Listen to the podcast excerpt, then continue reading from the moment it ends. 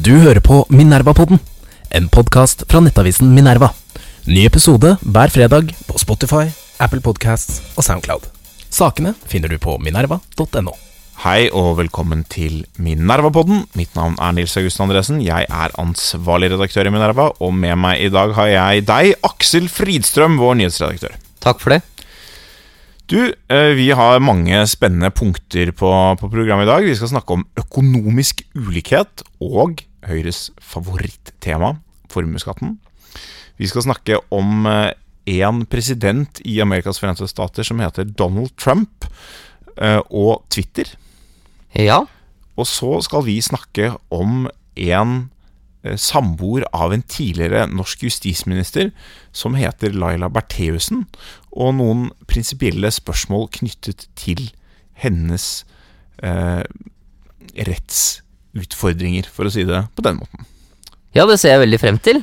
Uh. Skal vi begynne med nesten med en gang? Nei, nei, på ingen måte, Aksel. Vi kan ikke begynne med en gang. For før vi kommer eh, så langt som til sakene, så er det jo min sure plikt å minne våre lyttere om at uh, denne podkasten ikke er gratis. Og så tenker dere uh, Får dere ikke støtte fra staten til dette? Vi lever i verdens rikeste sosialdemokrati. Hvor er podkastmillionen, eller milliarden for den del? Og svaret er at vi har ikke noen egen podkaststøtte i Norge. Tro det eller ei, det fins ingen podkaststøtte. Det fins en eh, pressestøtte. Vi får litt penger fra den, det er riktig det. men Nerva er et statssubsidiert sluk. Vi får noe penger til å publisere avis, selv om det ikke er så veldig mye. Men ingenting til å lage podkast, Aksel. Dessverre ingen eh, un, un, såkalte underbevilgninger. Altså Det burde egentlig vært en offentlig bevilgning for hver aktivitet vi har, ikke, ikke bare vanlig pressestøtte. Helt riktig. Ja. Så det, det det betyr, kort og godt, da, det er at eh, i utgangspunktet så er det rent tap for oss å lage podkast. Og sånn kan vi ikke ha det. Derfor ber vi våre lyttere om eh, å gi oss litt penger hvis dere setter pris på denne podkasten, sånn at vi kan fortsette.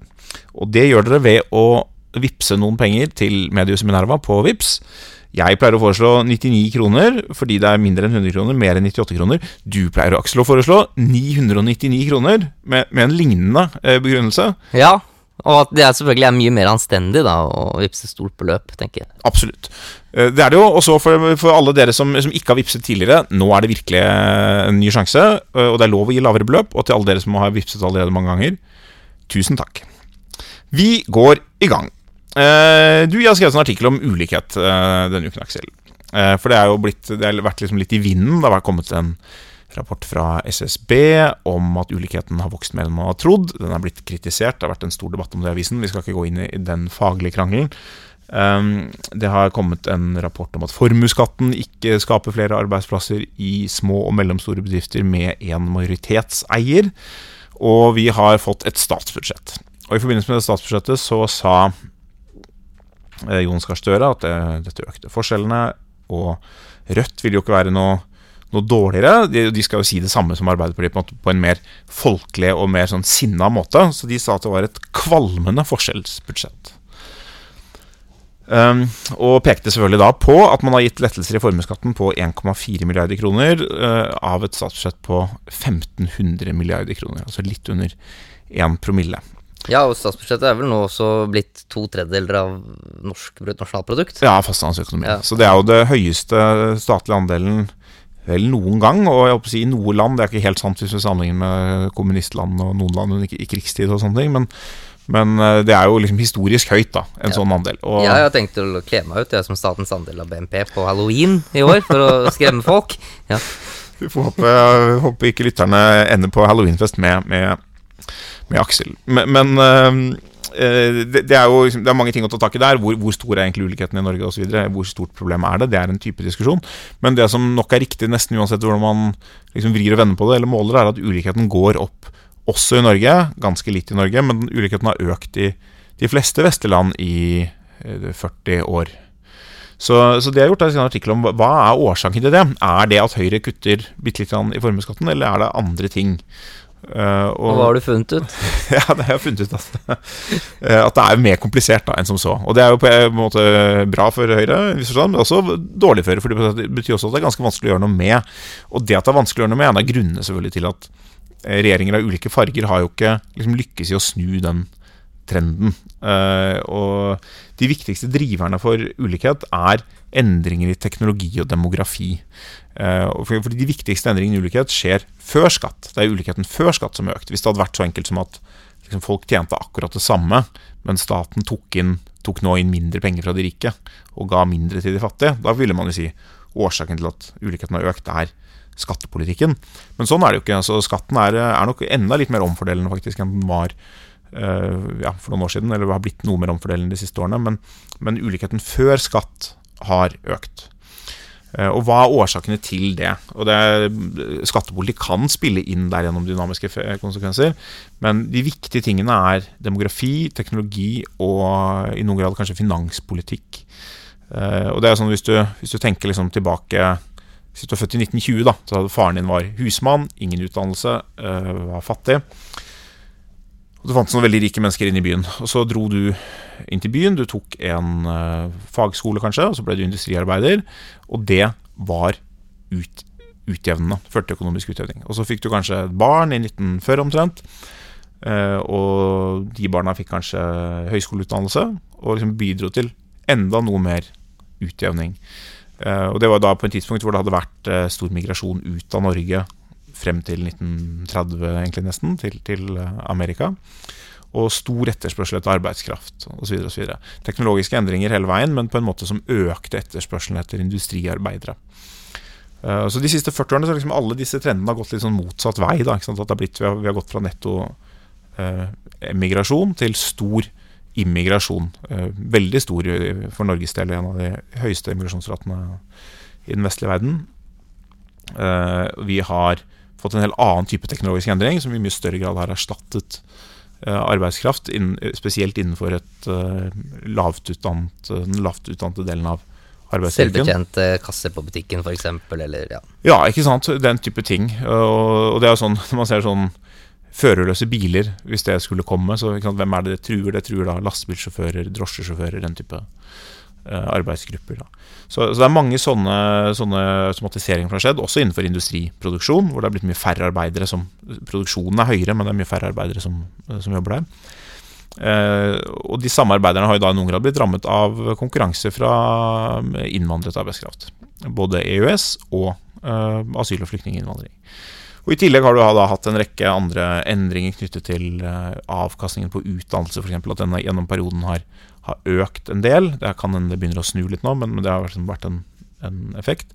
Og så har vi et litt mer sånn som man ikke tenker så lett på, men som kanskje kan være ganske viktig, og det er at vi har hatt fallende renter nå i 30 år. Altså vi som, vi som er gamle, da snakker jeg ikke om deg, Aksel, du er ganske ung, men, men vi som er gamle og husker rentene på 80-tallet, da var de jo veldig høye. Da er inflasjonen også høy, men, men, realrenten har falt veldig kraftig fra 1990 og frem til i dag. Nå er styringsrenten null, så veldig mye lavere blir det ikke. Eh, men vi har, og det er jo det har alltid vært sånn at renten har gått ned under økonomisk krise, et motkonjunkturtiltak. Men det som har skjedd gjennom de siste allerede mange krisene, er at den har gått ned under krise. Og så har den liksom blitt ganske stabil, og så kommer en ny krise, og så går den videre ned. Så den gikk ned under finanskrisen, så gikk den ned under Eller gikk ned under dotcom-boblen, ned under finanskrisen. Eh, og nå videre ned under koronakrisen. Eh, og liksom og blir lavere og lavere. Og det øker verdiene på aksjer. Og boliger. Og boliger. ikke sant? Så de som eier aksjer og boliger, de får mer eh, assets, eh, mer verdier. Og de kan også da få mer inntekter, enten gjennom altså, ulike typer kapitalinntekt knyttet til disse verdiene.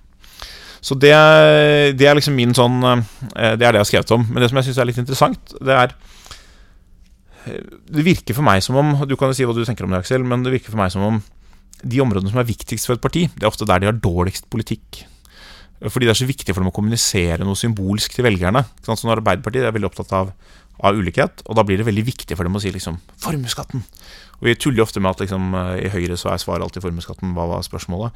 Men sånn er det jo på en måte litt for Arbeiderpartiet i ulikhetsdebatten. At det er et veldig veldig viktig spørsmål for dem, og så blir svaret formuesskatten fordi det skaper en politisk kontrast til Høyre, og, og skaper en fiendegruppe, liksom de rike, som kan tas.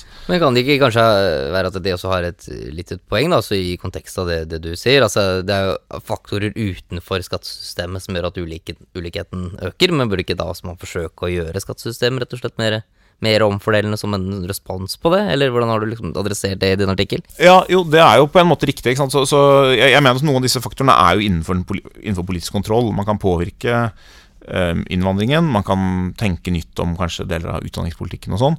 Og man kan for også tenke nytt om motkonjunkturpolitikken. Det er et, veld, et kjempestort spørsmål hvordan man skal gjøre det. men liksom Alt fra helikopterpenger til, til andre løsninger. Men men det er helt riktig det at hvis man ikke klarer å gjøre noe med det på andre måter, så vil jo måtte også Høyre egentlig måtte vurdere om man gjør noe med skattesystemet i stedet. Og Det kan være høyere formuesskatt eller høyere progressiv beskatning på høye inntekter. Eller, eller, den type ting. Så hvis man ikke klarer å gjøre noe ut, med, ulikheten på andre måter, så blir det et alternativ. I hvert fall hvis utviklingen fortsetter videre. Ulikheten er ikke så dramatisk i Norge i dag. Eh, men, men, utviklingen går jo den retningen. Så hvis det fortsetter lenger i den retningen, så må man gjøre det. Men jeg synes det er, liksom, det er likevel litt sånn interessant at man Høyre har på litt det samme problemet på, på skattepolitikk. At man, eh, fordi man er så opptatt av å symbolisere at dette er et viktig felt, så, så har man da sånne punkter som fjern arveavgiften, fjern formuesskatten. Man, men man har ofte ikke noen god strategi for å gjennomføre det, som vi har snakket om før. Og sånn er det litt sånn FR på innvandringspolitikken. og sånn man lykkes kanskje ikke alltid med å utvikle gjennomførbar realistisk politikk basert på veldig gode analyser av problemet. Man er mer opptatt av å signalisere Man lykkes med å få oppmerksomhet om problemet, men ja, kanskje ikke på bekostning av å klare å, å, gjøre noe med det. Ja, det er akkurat, akkurat det. Og det, jeg opplever litt at det er også sånn en utfordring for venstresida i ulikhetsdebatten. At man man kan nesten kvier seg litt for å gå inn i alle de kompliserte årsakene til ulikhet, fordi de ikke liksom passer med den politiske agendaen. Og det er Noen av de sakene er felles for Arbeiderpartiet og Høyre også, sånn som arbeidsinnvandring f.eks., altså knyttet til EØS. Det er jo klart at det er, Hvis man sier at ja, det driver ulikhet, som det jo gjør, så er jo det trøblete for alle som er for EØS-avtalen, da inkludert meg selv. Altså, det er jo en, det er en avtale jeg er for, og så har det noen konsekvenser som man ikke er for. Som man ikke er for. Sånn er det med alle ting i politikken. Så må man klare å forholde seg til det og kommunisere rundt det. da.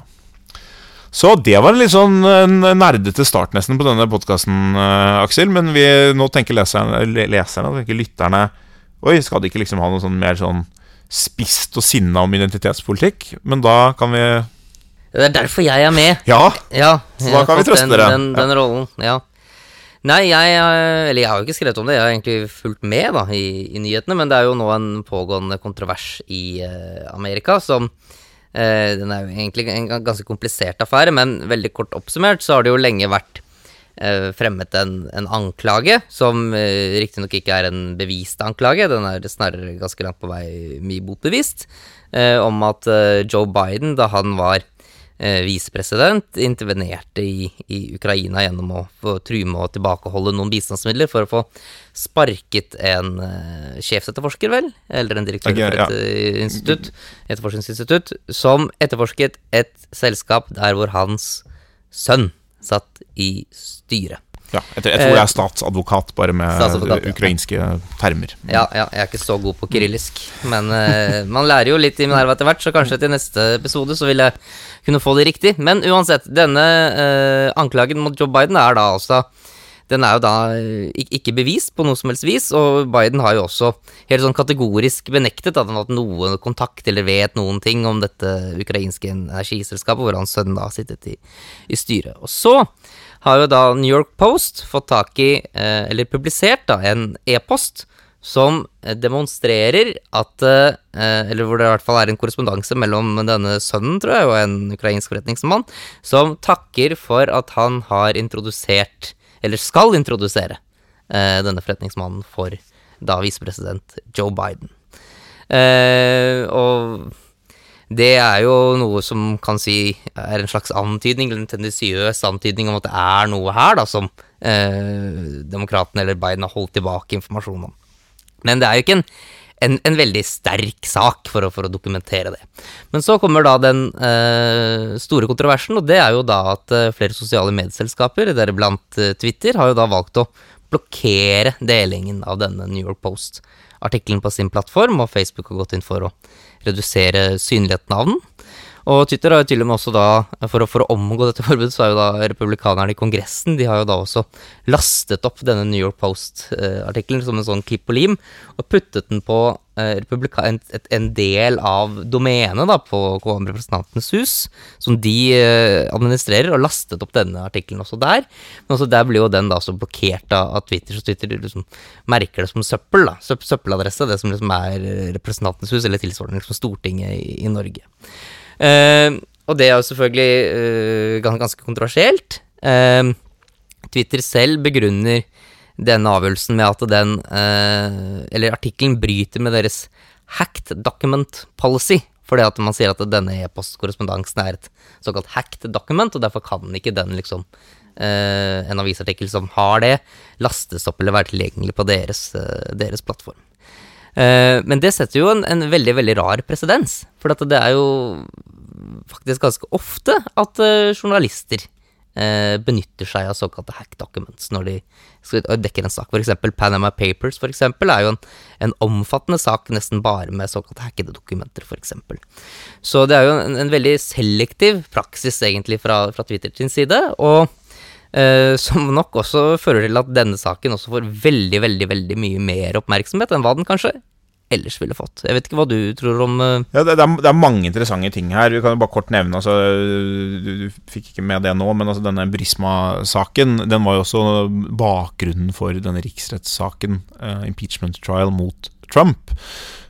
fordi han da hadde presset Ukraina med å holde tilbake militærhjelp hvis de ikke ga ham dirt on Biden. Uh, så ja, så liksom, han har jo selv gjort det. Han har jo selv gjort det som han anklager andre for, som er forstått ganske typisk. Og det, det, hefter vel en mistanke her om at uh, russisk etterretning eller tilsvarende har vært liksom med å få frem det, det som er innholdet i den New York Post-saken. Det, det, er ikke så lett for meg å bedømme det. Det er ikke så lett å vite hva, hva som er, uh, akkurat hva som er hva i hvilke detaljer her. Men, men la, oss, eh, la, oss, for argumentets skyld anta at det som står der, måtte, er søppel. At det er misvisende, villedende og kanskje liksom til og med influert av eh, russisk eller annen eh, etterretning. La oss anta det for argumentets skyld, Fordi da kommer på det interessante spørsmålet. Hva gjør da en aktør som Twitter hva, eller Facebook, hva kan de gjøre i en sånn situasjon?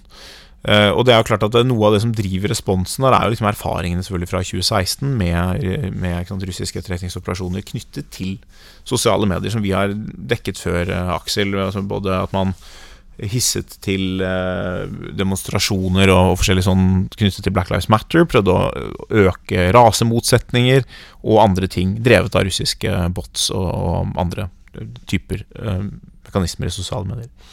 Så det er noe av bakgrunnen. ikke sant? Man sier vi kan ikke tillate at uh, uh, juks og fanteri og fake news og eventuelt utenlandsetterretning uh, former valg gjennom sosiale medier. Men jeg tror du har helt rett i at det, er, jo, det er, jo, ikke mulig. ikke sant? Altså, hva, hva, skjer hvis man prøver å stoppe det? For det første er det jo et prinsipielt veldig krevende spørsmål. Man, blir inkonsistent, man må gi stadig dårligere begrunnelse hvorfor man har valgt å gjøre det ene og det andre, og det kommer til å komme inn partisan bias, altså motstand mot republikanerne i Twitter-systemet og andre steder, vil liksom gjøre seg gjeldende, og man vil ikke gi den andre siden en fair hearing, egentlig, og hvem sitter egentlig på, på, på sannheten om akkurat hva som skjedde, skjedde eller ikke skjedde der. Du har hatt liksom lignende type tilfeller hvor Twitter har blokkert tweets fra presidenten selv hvor han har sammenlignet korona med, med, influensa som liksom farlig propaganda i, knyttet til, uh, til koronapandemien. Som er altså, Ja, det er upresist å sammenligne med influensa, vi, det har vi vært inne på mange ganger, Aksel. Men, men uh, det er mye rart som sies om denne pandemien, da, på den ene og den annen vei. Og, det er vanskelig liksom, å gå inn og, og ta, ta, den rollen. Så, men, men hvis vi holder til denne saken, så er det Eh, så er det sånn at det får enda mer oppmerksomhet når man velger å blokkere det, og man svekker legitimiteten litt til disse aktørene.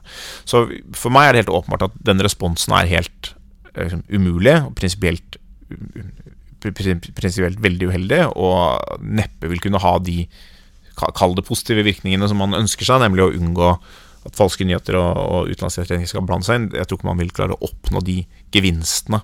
Men det, øker, det, det, det stiller da på en måte et spørsmål. Hva, hva kan vi gjøre i vår tid for å hindre informasjonsetterretning eller informasjonskampanjer fra, uh, av ulik art? da Og det kan hende svaret er veldig lite, men det er jo likevel et litt interessant spørsmål som ikke var der kanskje på samme måte hvis du går tilbake til den kalde krigen. Så hadde jo eh, russerne hadde jo masse etterretningsoperasjoner knyttet til ulike fredsorganisasjoner osv. som var infiltrert og fungerte litt som russiske frontorganisasjoner. Men de fikk ikke den samme virale spredningen. Men jeg tror men det viktigste er, tror jeg kanskje er å begynne å diskutere hva er det som liksom er, er ambisjonsnivået. For det er veldig vanskelig å opprettholde et fritt samfunn hvis du uten å ha noe som helst form for desinformasjon. Altså Det vil alltid være en eller annen form for desinformasjon, eller folk som kommer til orde som har veldig lite eller ulogiske standpunkter, eller altså helt uh, mis, mis, misledede oppfatninger der ute. Men uh, hva, hvilket samfunnstype struktur er det som har si, best mulig forutsetninger for å imøtegå desinformasjon? Og det tror jeg at det er hvis man opprettholder egentlig et friest mulig ordskifte. Altså da vil du eh, selvfølgelig aldri bli kvitt all desinformasjon, men man vil i hvert fall måtte ha en viss tiltro til at de, liksom, de, de beste argumentene uh, vinner fremover, da. Og jeg, du er optimist, Aksel. Jeg, jeg, kommer til samme konklusjon som deg. Altså at vi må, må ha et, fri, et friest mulig ordskifte. Um, og kanskje er det det som gir best forutsetninger. Men jeg tror man ser noen sånne utfordringer i et, spesielt et polarisert samfunn. At det er ikke engang sikkert at du får en situasjon der la oss si, de beste argumentene forsøker å bekjempe de dårlige, men at det kan hende du får de dårligste argumentene på begge sider forsøker å bekjempe hverandre. At den ene siden kommer med Nei, dere er Russian assets. Nei, dere er Russian assets. Altså, altså, fordi det er, Republikanerne er villige til å tro de grusomste ting om demokrater, men det gjelder jo an, Demokrater tror de grusomste ting om republikanere, og disse tingene spres som ild i tørt gress i sosiale medier. Så jeg tror nok at vi, liksom, vi er nødt til å tenke kritisk gjennom hvilken rolle spiller disse eh, disse plattformene. Uh, uten at det, det, det, er noen løsning med den type sensur. Det, det, er det som er helt klart, at det er i hvert fall ikke noen løsning. Det, fører bare til ytterligere polarisering og veldig sterkt raseri. Uh, og så er spørsmålet har vi da, hva, hva har vi egentlig? Og Noen ganger så er jo svaret sant, at vi har ikke noe vi har ikke noe verktøy her. Det er, noe, det er vondt for både samfunnsdebattanter og politikere når man blir spurt hva skal man gjøre med det. Noen ganger er svaret vet du det er, dette er veldig uheldig, men det er ikke så mye å gjøre med. Og det kan hende dette er en sånn situasjon, men jeg syns det er verdt å stille det spørsmålet. Jeg synes, fordi jeg tror der det er blitt litt sånn et mantra for å prøve å få frem litt uenighet her. Liksom. Det er sånn, så lenge det er et friest mulig ordskifte, så vinner sannheten til slutt. Og sånn er det. sånn Vi konservative som er pessimister, vi kan jo ikke liksom tro at sannheten bare magisk uh, vinner. Det kan jo hende den taper også. Det må man liksom Det må man jo selvfølgelig også erkjenne. Men, ja. men, hvis man sammenligner altså Det er jo ingen grunn til å tro at uh, samfunn som f.eks. praktiserer veldig mye ustrakt sensur, da ja, har mye mindre desinformasjon enn de som ikke har det. Nei, det, er, snarere, snarere tvert imot. Det er helt enig. Uh, og man ser også fra, fra de, den type samfunn som har veldig kontrollert informasjonsstrøm og, og, sensur og diktatur, både Midtøsten og Russland, er gode eksempler på det. at Eh, befolkningens tilbøyelighet til å tro på konspirasjonsteorier er jo enda mye mye større enn det man ser i USA. Man ser det litt i USA knyttet til polariseringen, men, men der, der, er det jo til, til tider liksom helt vilt. Fordi man nettopp tenker det, vi kan ikke stole på offisiell informasjon, den er en for sensurert. Uh, og da tror man på hva som helst. Og jeg tror, sånn, jeg tror de som drømmer om sensur, de, de tenker jo sånn som Ja, men vi er de rasjonelle. Hvis vi bare får sensurert ut det andre, så vil folk stole på offisiell informasjon, for da er den jo sann. Ja. Men det, da forstår man ikke liksom den politiske og sosiale dynamikken som ligger Ja, og man forestiller seg kanskje heller ikke at man selv kan få et legitimitetsproblem. Nei. Det er ofte det som er Nei. problemet der. Nettopp. Uh, og da er det spørsmålet om hva, hva, sant, hvor, hvor, gode bevis skal man ha i en sak for å få lov å publisere noe for ikke å bli sensurert. Da. Og det danner rett og slett en bro til vårt neste tema, Aksel. Ja, og hva skal vi prate om her? Ja, du, Vi skal prate om Bertheussen og, og, bevis, men før vi kommer dit, så tenkte jeg å minne våre lesere om det er fortsatt mulig å donere penger til denne podkasten, sånn at vi kan fortsette å ha denne podkasten. Da vippser dere penger til Minerva. Dette er sånn Gammeldags på radio måtte man si dette mange ganger fordi folk liksom gikk ut og inn av sendingen. Jeg vet ikke helt hvordan dette funker på podkast. Kanskje noen spoler gjennom. Her er det i hvert fall sagt en gang til. Vi skal videre, Aksel. Bertheussen-saken den går jo nå Mange i Norge har fulgt den eh, gjennom avisenes referater. Eh, det er en ganske interessant sak eh, på veldig mange forskjellige plan. På tusen plan, og vi skal ikke snakke om alt det. Men, men en av de diskusjonene som, har, som jeg har sett litt gå litt av til, både i sosiale medier og i tradisjonelle medier, er at ja, det er jo mange liksom Mye som taler mot Bertheussen i denne saken, men det fins jo liksom ingen beviser. Det er bare indisier. Og Jeg syns det var en litt interessant sak. Jeg fikk, fikk, lyst til å snakke om det. Og det, Dette er ikke en sak uh, som er hos oss, men, men uh, Andreas Slettholm skrev i Aftenposten i dag om at man kan dømmes på det man kaller indisier. Da. Men det, det er jo litt sånn eh, rar terminologi. Fordi i rettslig forstand så er jo liksom alle ting er beviser. Man kan diskutere hvor gode beviser er, men så alle argumenter for at den tiltalte er skyldig, er legges frem som et, eh, et moment da, som retten kan ta stilling til. Og tanken om at det fins eh, noe som er beviser som er sånn Nå er dette bevist. Det er også litt naiv. Hva, hva, er det man ser for seg da man ser for seg hva det er en tilståelse, DNA, fingeravtrykk, liksom den type ting. Man, man tenker seg gamle detektivfilmer.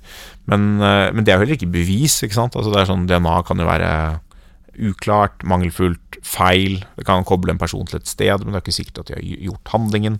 En tilståelse kan være falsk og kan bli trukket tilbake. Det er jo mange, mange eksempler på falske tilståelser. Eh, det er klart at Hvis du liksom har filmet at vedkommende Her går Laila Berthesen ut, heller bensin på bilen, tenner på, her er det på film, så er jo det sånn, Det virker jo ganske trygt, selvfølgelig, men det er jo sånn ja, i våre dager. Det kan jo være deepfake manipulert video for den del, liksom. Så, så, hva er et bevis? Eh, men eh, det er jo mange indisier her som er av en art som det er vanskelig å forklare på andre måter. Da. Og det er jo det som er liksom bevisbildet som retten skal ta stilling til. Ja, og hva er, hva er dette? Eh, ja, nei, for, for, eksempel I dag så har vi hatt uh, gjennomgått, gjennomgått, det før, og mange, mange, av lytterne har selvfølgelig sett det samme. Men uh, det er at uh, den natten hvor denne bilen blir påtent, så ser man jo da fra, fra PSTs logg at uh, kameraet blir koblet av midt på natten, og så går døren opp, og så er den oppe liksom noen minutter, og så blir den lukket igjen, og så blir kameraet koblet på igjen. Og så litt senere så blir kameraet koblet av, døren går opp, og så kommer da dette tidspunktet hvor bilen blir satt i brann, døren igjen, og så blir kameraet koblet på, så ser man at bilen brenner.